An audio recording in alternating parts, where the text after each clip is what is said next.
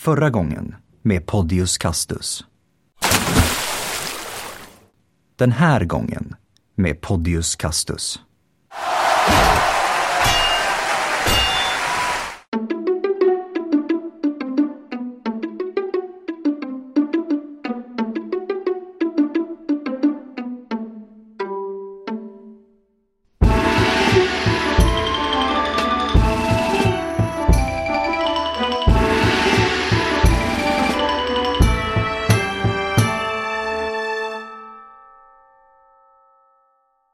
Och välkomna till Podius Castus, en podd om antiken. Jag heter Adam och dagens minisnitt blir lite speciellt. Idag är det nämligen dags för oss att återigen följa vår fiktiva romare, Gaius Podius Castus. Senast vi hörde från Gaius var han och badade i Caracallas termer. Det minisnittet, som Emily höll i, inleddes i en kö. Och varför inte starta en tradition? För visst står Gaius ännu en gång i en kö. Den här gången till Colosseum, romarrikets främsta amfiteater.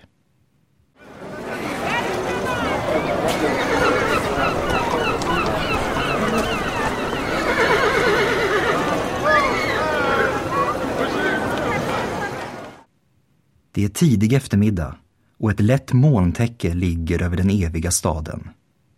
Utanför Colosseum ringlar sig en lång kö. Inte helt olikt mot vad den kan göra även idag. Det som skiljer den antika kön från den moderna är dock dess orsak. Gaius köar just nu för att få se ett gladiatorspel. Dagens arenaprogram har pågått sedan förmiddagen och innan lunch var det djurhetsning och jakt som ägde rum. Gaius är inte särskilt intresserad av sånt, så han har faktiskt väntat med att dyka upp. Han vill se gladiatorerna. Och det är inte vilken kamp som helst. I flera veckor har de bemålade plakaten gjort reklam för vad som kallats århundradets gladiatorstrid. Romarrikets just nu främsta gladiatorer ska kämpa mot varandra på romarrikets mäktigaste scen. Molntäcket luckras upp för en stund och Gaius inser att han faktiskt står i skuggan. Han tittar upp och blir nästan bländad. Skuggan kastas av den kolossalstaty som kejsare Nero lät bygga i sin egen avbild. Den är av förgylld brons och mäter nära 30 meter i höjd. Gaius far hade en gång berättat för honom hur statyn fått sitt huvud utbytt så att den istället avbildade solguden med sin karaktäristiska krona. Gaius är av en gammal romersk riddarsläkt, en samhällsklass som inte riktigt mindes den populistiske Nero som särskilt trevlig. Det är därför inte så svårt att förstå varför Gaius far hade skrockat lite lätt medan han berättade om statyns huvudtransplantation. Det är troligt att det är just denna staty som ligger till grund för namnet Colosseum. Romarna kallade statyn för Colossus Neronis, Neros koloss, och minnet av den levde kvar trots att själva statyn försvann. Under medeltiden gjordes det därför troligtvis en felkoppling, där istället den kolossala arenan tog över namnet. Solen går återigen i moln och kön rör sig långsamt närmare ingången. Gaius sneglar uppåt på Colosseums fasad. Trots att Colosseum idag kan väcka vördnad är den endast en skugga av vad den en gång var. Utvändigt saknas idag nästan hälften av den yttersta delen samt en stor del av de övre sektionerna. Gaius ser istället en nästan 50 meter hög fasad i fyra våningar. De första tre har 80 stora arkader med marmorstatyer i övermänsklig storlek. Dessa föreställer gudar, hjältar och karaktärer ur den romerska historien. De ser nästan verkliga ut med sina bemålade detaljer. Utvändigt är Colosseum kritvit av travertin, kalkstenen från Tivoli strax utanför Rom. 100 000 kubikmeter sten gick åt vid bygget av arenan. Ett bygge som endast tog tio år att färdigställa. Att det gick så fort beror på själva konstruktionen. Hela Colosseum är nämligen byggt som en serie valvbågar, nästan som om man placerat akvedukter ovanpå varandra. Och det mesta av arenan består därför av tomrum. Gaius minns att det var kejsare Vespasianus som lät bygga arenan, men att det var hans son Titus som fick inviga den. Gaius minns inte året, men vi vet att det var år 80 efter vår tideräkning som allt stod klart. Att Gaius ens mindes kejsarna beror helt och hållet på att deras familjenamn återfinns i det officiella namnet på arenan. Amfiteatrum Flavium. Och en amfiteater, ja, det är en teater med läktare anordnade som en ring runt arenans mitt. Plötsligt hörs ett vrål inifrån arenan.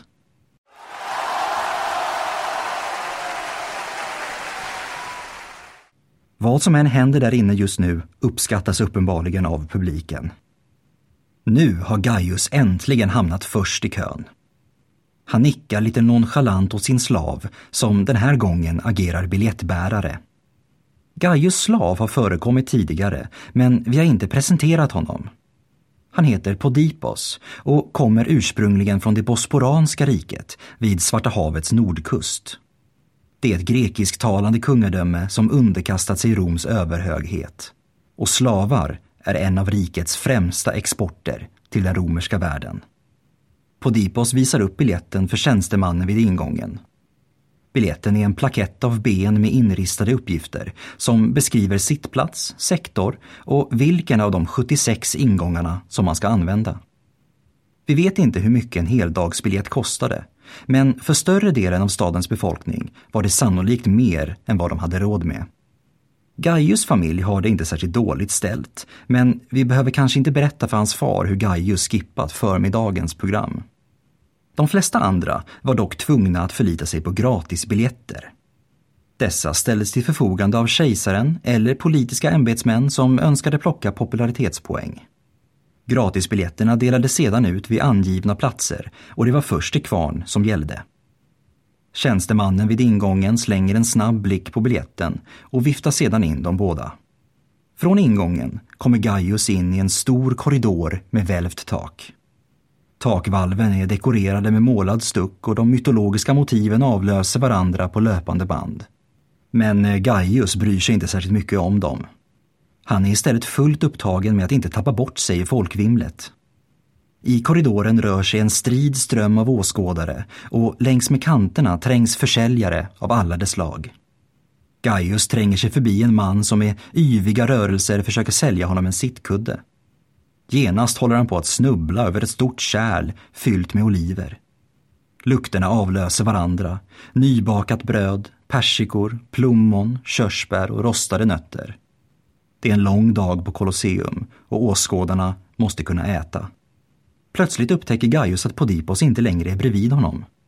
Det är ju Podipos som hade biljetten och utan den kan inte Gaius hitta sin sittplats. Gaius stannar upp, ställer sig om vartannat på tå och ser sig omkring. Ja men vänta, där är han ju. Hans roströda hårfärg sticker ut som en brasa i ett mörkt rum.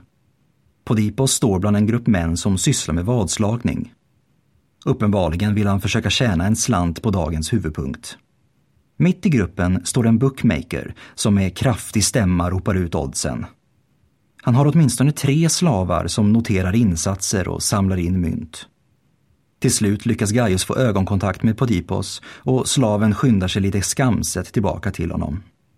Tillsammans börjar de nu gå upp för en av de otaliga trappor som leder in i Colosseums väldiga innanmäte. Ljudnivån stiger konstant för varje trappsteg. Vid trappans slut uppenbarar sig den flaviska amfiteatern i all sin prakt. På de kritvita marmorläktarna sitter det 50 000 åskådare som med gemensam stämma följer det som utspelas nere på arenagolvet. Nu förstår Gaius vad som hade orsakat det vrål han hörde medan de fortfarande stod i kö. Nere på arenagolvet utspelas den sista av de offentliga avrättningarna. Där nere står en dödsdömd mördare som frenetiskt försvarar sig mot det största lejon som Gaius någonsin sett. Den väldiga besten med en kolsvart man som löper ner längs med skuldrorna är något av en stjärna i egen bemärkelse. Nemeos heter han, döpt efter det nemeiska lejonet. Han har transporterats hela vägen från Kartago enbart för denna dag och hittills har han utfört fyra avrättningar. Den dödsdömde, som nog blir den femte, har plockat upp en arm som han nu viftar framför sig, till publikens stora förtjusning. Herkules har skaffat sig en mäktig klubba! ropar en man alldeles bredvid Gaius. Nemeos blottar sina tänder, röda av blod.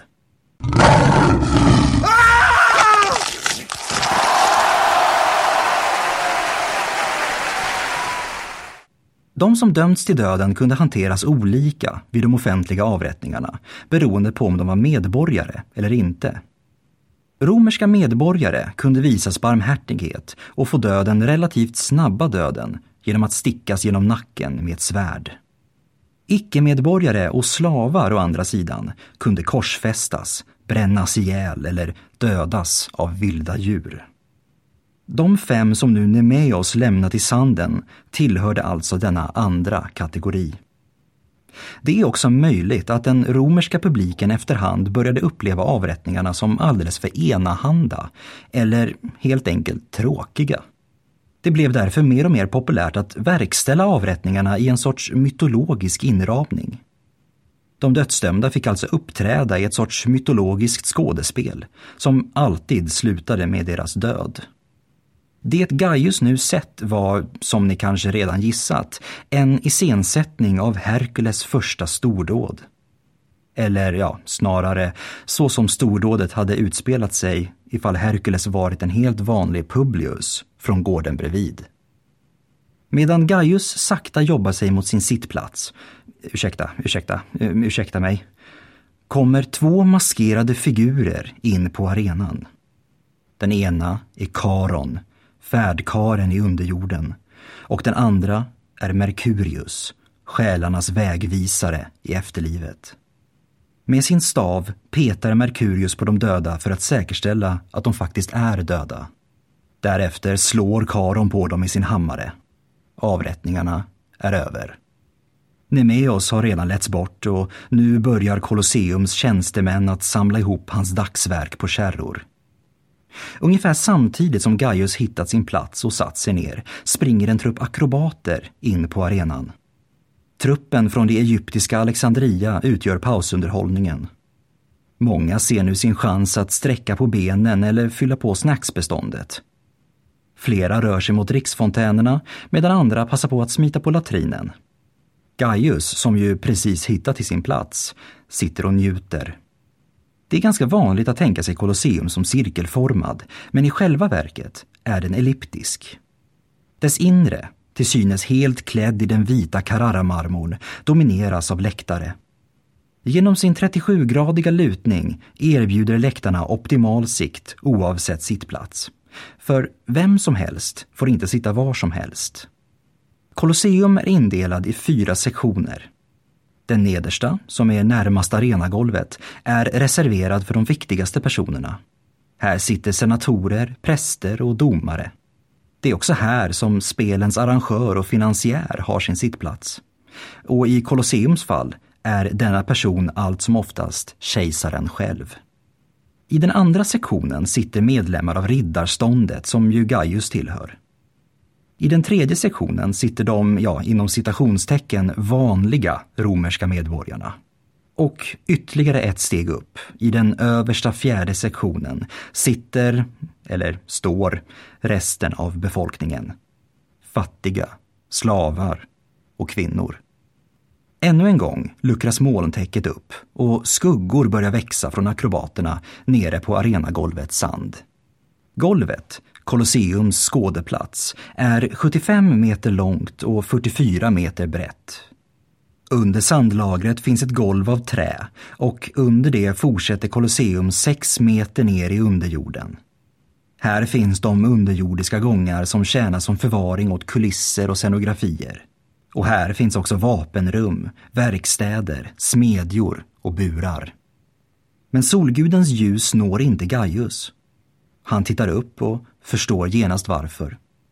För att skydda åskådarna från den hotande eftermiddagssolen har de börjat fälla ut taket. Högst upp på arenan finns en krans av 240 träpålar. Från dessa går långa trossar ut som håller en stor central ring hängande ett 40-tal meter ovanför arenagolvet. På denna väv rullas nu gigantiska tygstycken ut som löper samman mot ringens insida. Tygtaket täcker till slut alla läktarsektioner men lämnar golvet oskyddat. En modern uppskattning är att det rör sig om uppemot 24 ton tyg som stänger solen ute.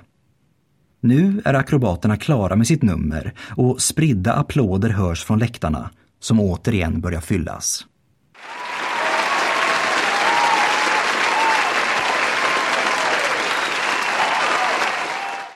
Och Gaius vet att det är nu som dagen börjar på riktigt.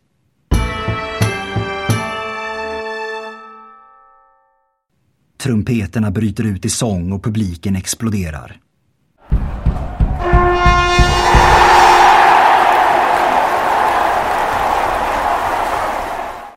Upp ur de underjordiska gångarna tågar ett långt följe in på arenan. I täten går en orkester av trumpeter, horn och flöjter.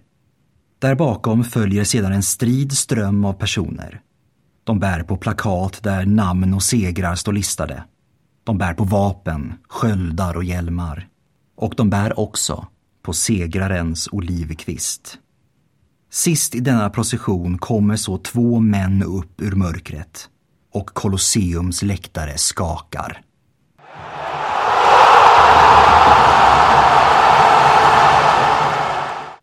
Gaius minns tydligt hur uppspelt han blivit när han sett de första väggplakaten som annonserade denna kamp. Där nere står hela världens just nu främsta gladiatorer och tar emot publikens jubel. Den yngre av dem är Astyanax, som tagit sitt artistnamn efter den trojanska prinsen. Han är född till romerska medborgare i Gallien men har valt att kämpa som gladiator för berömmelsens skull. Gaius har haft honom som favorit ända sedan han för första gången såg honom uppträda för nu nästan sju år sedan. Sedan dess har Astyanax samlat på sig inte mindre än 18 segrar. Astyanax motståndare är den äldre Cyrus, döpt efter Apollos son och syriernas stamfader. Han föddes av slavar i Antiochia och såg till att bli antagen som gladiator för att skaffa sig en möjlig väg ut ur slaveriet. Under hjälmen har han imponerande 34 segrar. Två vitt skilda livsöden som snart kommer att kollidera på arenans sand. Med vapen av trä ställer sig de båda och börjar sparra för att mjuka upp musklerna. Astyanax är nästan ett helt huvud kortare än Cyrus, men gallen har alltid levt på sin snabbhet. Cyrus å sin sida är ett fysiskt monster som obönhörligt nöter ner sina motståndare. Men viktigast av allt, de båda vet precis hur man bjuder på underhållning. De båda turas om att göra utfall mot varandra och spexar sådär lagom mycket för att få publiken i rätt stämning. Till slut ger domaren signal och de båda nickar lätt åt varandra och återvänder sedan ner i underjorden. Där nere blir de utrustade och får en sista chans att tänka igenom sin taktik. Gaius upplever det som om en hel livstid susar förbi. Men så ljuder trumpeterna igen och upp ur jordens innanmäte uppstår de båda kämparna. Med hjälp av Colosseums mekaniska hissanordningar är det som om de växer fram ur marken. Publiken kippar efter andan. När väl dammolnet lagt sig står de båda där, ansikte mot ansikte. Domaren höjer armen och tiden står still.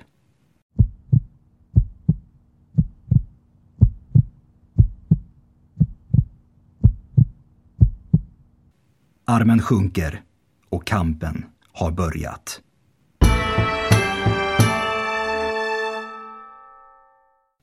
Gladiatorer kämpade alltid i par om två och därtill fanns det olika sorters gladiatorer med olika utrustning. Dessa parades sedan medvetet ihop för att möjliggöra en så spännande kamp som möjligt.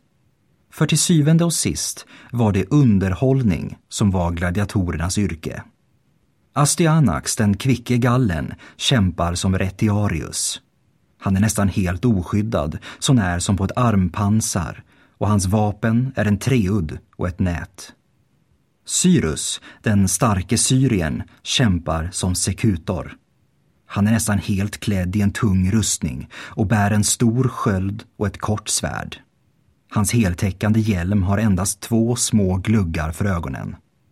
Denna kombination av gladiatortyper är en av de mest klassiska. Om en retiarius fångar en sekutor i sitt nät så att han faller omkull är kampen mer eller mindre avgjord. Om en retiarius däremot missar med sitt nät blir han helt utlämnad. Spänningsmomentet vilar därför nästan uteslutande på denna enda handling. De båda kämparna är mycket erfarna och kan sin motståndare väl. Astyanax är tålmodig och rör sig med lätta steg i cirklar runt sin större och långsammare motståndare. Cyrus gör inga häftiga rörelser och vet bättre än att försöka jaga en retiarius. Hans överlevnad hänger på att han sparar sina krafter. Domaren manar på dem båda, de får inte bli för passiva. Astyanax utdelar det första hugget och hans treudd sjunger mot Cyrus sköld.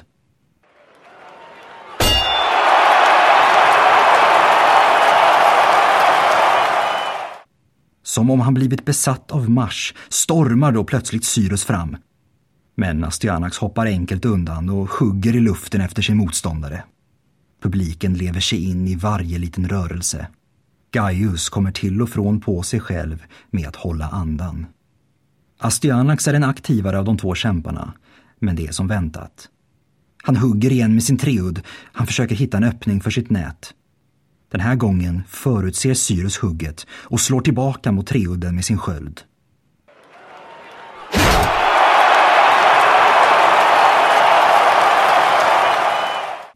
Astyanax tappar balansen och lämnar hela sin högersida öppen. Cyrus tar sig framåt, men snavar nästan till. Astyanax hade i sin tur förutsett Cyrus aggressiva approach och varit redo med sitt nät. Samma nät som nu ligger runt Cyrus fötter. Gaius ställer sig upp. Astyanax tar sig runt och gör ett utfall mot Cyrus rygg. Men Cyrus har ett sista trick i sin repertoar. En sorts sista utväg han använt en gång för länge sedan, i början av sin karriär. Samtidigt som Astyanax helt säljer sig till sin attack vrider Cyrus på överkroppen och svingar sitt svärd våldsamt bakåt.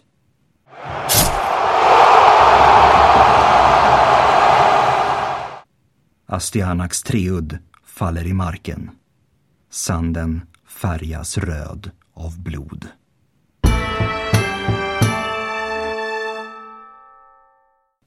En gladiatorkamp kunde pågå väldigt länge.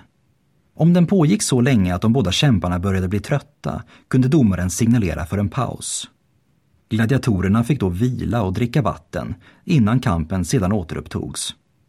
Om kampen efter en paus ändå inte kunde avgöras kunde domaren avbryta och antingen kalla den oavgjord eller låta arrangören avgöra.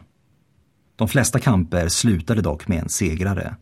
Antingen genom trötthet eller genom ett sår.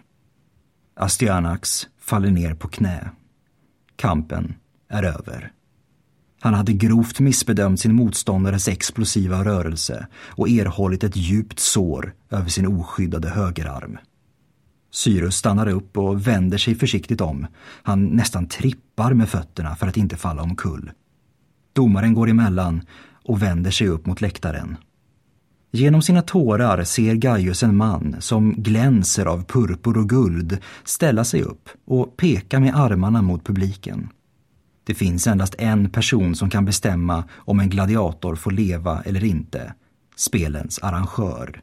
Som i sin tur brukar lyssna in publikens åsikt. Publiken använder nu sin kombinerade röst för att skrika ut sin dom. Om de skrek mitte eller frige fick gladiatorn leva. Om de däremot skrek jugola var det slut. För jugola betyder skär halsen av honom. Gaius skriker Mitte för allt han är värd och till hans glädje gör tiotusentals människor detsamma. Astyanax hade vunnit publiken med sin aktiva stil, som så många gånger förut. Det verkar faktiskt inte ha varit allt för vanligt att gladiatorer dog på arenan, åtminstone inte så ofta som vi kan tro idag. De var tekniskt sett inte tränade att döda. De var tränade att bjuda på underhållning. Och genom matchning sågs det alltid till att kamperna blev så jämna som möjligt. Det hände till exempel nästan aldrig att en veteran fick möta en nykomling. Gladiatorer var dessutom dyra, både att träna och att sköta om. Arrangören fick alltid kompensera gladiatorns ägare för eventuella skador och om gladiatorn dog, ja då skulle hela värdet återbetalas. Tänk på det som om ägarna hyrde ut gladiatorer åt spelarrangören. Man kan därför tänka sig att arrangören inte var alltför pigg på att ge order om död, förutsatt att inte publiken enhälligt krävde det.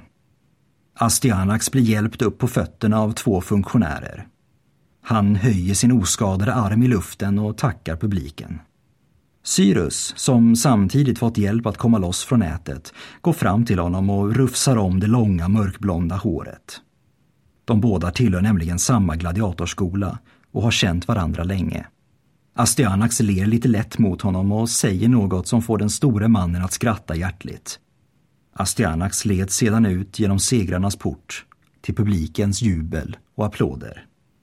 Om han misslyckats skulle han istället ha förts ut på bår genom den andra porten, döpt efter Libitina, begravningens gudinna. Trots att hans favorit inte vann känner sig Gaius ändå lättad över resultatet. Han kommer att kunna se Astyanax uppträda igen. Samtidigt som Cyrus får motta segrarens olivkvist och två kistor med silvermynt lägger Gaius återigen märke till mannen i purpur och guld. Visst har han sett honom tidigare någonstans. Cyrus bugar åt mannen samtidigt som publiken skanderar Caesar, Caesar, Caesar.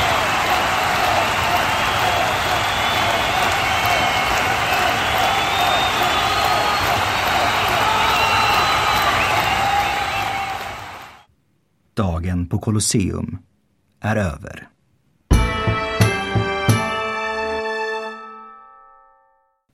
Jag heter Adam och ni har lyssnat på Podius Castus, en podd om antiken. Följ oss gärna på Facebook och Instagram och vill ni komma i kontakt med oss kan ni även göra det på podiuscastus@gmail.com. Tack för mig och på återhörande.